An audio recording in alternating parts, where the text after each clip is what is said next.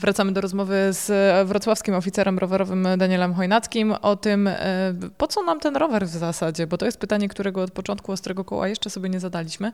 E, tymczasem e, właśnie, rower to nie fanaberia, rower to sposób na odczarowanie wszystkich problemów, które wiążą się z postępującymi kwestiami cywilizacyjnymi, jak ruch samochodowy, zanieczyszczenie i tak dalej, i tak. Natomiast skądś musimy to brać, oprócz swoich doświadczeń, musimy bazować też na E, doświadczeniach, czy to innych krajów, czy też innych miast. Od kogo my się uczymy jako Wrocław? No co ciekawe, zacząłbym jednak od historii. E, Wrocław był dużo bardziej rowerowy historycznie znajdziemy stare zdjęcia i takie mamy. Między innymi na rynku był olbrzymi parking rowerowy. No bo jesteśmy, jakby to, co wyróżnia Wrocław i to jest super we Wrocławiu, to to, że tu jest płasko jak na stole i można jeździć, czy się ma lat 10, czy się ma lat 75, e, no to nie ma tego problemu, że jedziemy pod górkę z górki, pod górkę z górki, co dla wielu osób jest problemem. To prawda. Takich naturalnych uwarunkowań mamy jeszcze kilka czynników. Mamy bardzo rozbudowaną sieć kolejową i rzeczną, w związku z tym wymaga to wielu przepraw. Mostów, jakichś tuneli i te wąskie gardła dla samochodów są szansą dla ruchu rowerowego, bo on tam nie utyka. Pod warunkiem, że oczywiście ma jak przekroczyć czy przejechać.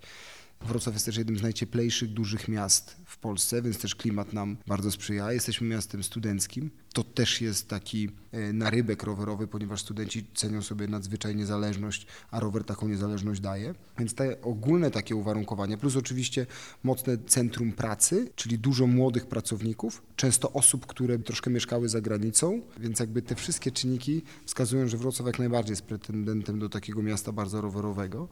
Więc trochę w interesie wszystkich nas powinno być to, żeby te trasy spójne powstawały, dzięki temu kolejne osoby będziemy dopraszać na rower bo dla nich to po prostu będzie pragmatyczny wybór.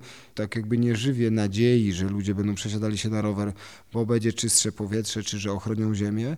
Będą na rower wsiadali po prostu, bo będzie szybko, bezpiecznie, tanio i do celu. To od kogo się uczymy w takim razie? Najłatwiej nam zatem czerpać z takich miast y, niemieckich Mamy podobną budowę, dużo niemieckiego wkładu pozostało we Wrocławiu, w związku z tym na pewno Drezno, Berlin. Oczywiście obserwujemy to, co w tych stolicach, czyli w Holandii i Danii się dzieje, ale też bardzo ciekawy postęp robi Francja. Bardzo mocno intensyfikuje działania na rzecz ruchu rowerowego. Też odbywaliśmy taką podróż studyjną po różnych miastach francuskich i to jest imponujące, co robią i jak gonią. Także mamy cały wachlarz doświadczeń, ale też w części nie mamy się co wstydzić jako Polska, bo powstają u nas też bardzo fajne rzeczy. Nie mamy miasta powiedziałbym, które jest już wzorcowe i którego można się uczyć, ale nie ma się też co wstydzić. Mieliśmy tutaj nieraz wizytacje z różnych części Polski i w, na przykład organizacje rowerowe były zbudowane, jak wiele udało się we Wrocławiu zrobić, jak ta infrastruktura już wygląda. Przyjmujemy takie wizyty, które inspirują się Wrocławiem.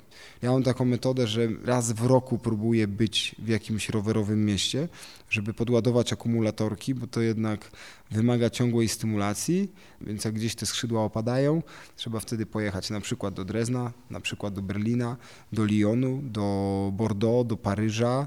Czy tutaj dolnośląskie miasta biorą przykład z Wrocławia? W dużej mierze tak. Pewien proces się udało zrobić u nas społeczne rozbudowanie oczekiwań względem infrastruktury rowerowej jest bardzo dużo. Ludzie chcą, to też pokazuje panel obywatelski chociażby, czy wszystkie badania, jakie robimy.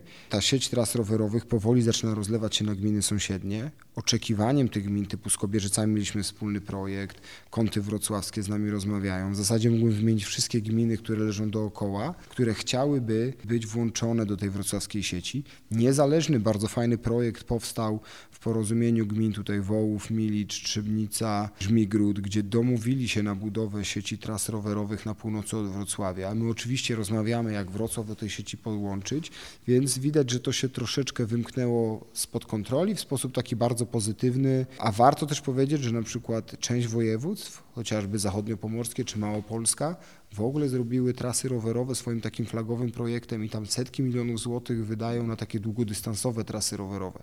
To jest trochę inny kontekst, my dzisiaj mówimy o mieście, to są różne płaszczyzny i widzę, że w Polsce zmieniło się bardzo dużo. Oczywiście do zrobienia jest jeszcze bardzo dużo i chcielibyśmy, żeby te zmiany postępowały szybciej. Do zrobienia jest też trasa rowerowa y, słuchaczy Radia Wrocław, do czego zachęcamy. Można wysyłać propozycje takich tras na ostrekołomałpa.radiowrocław.pl. Można to zrobić też przez naszą zakładkę. No a my będziemy wracać na pewno do tego, jak Wrocław się rozwija rowerowo.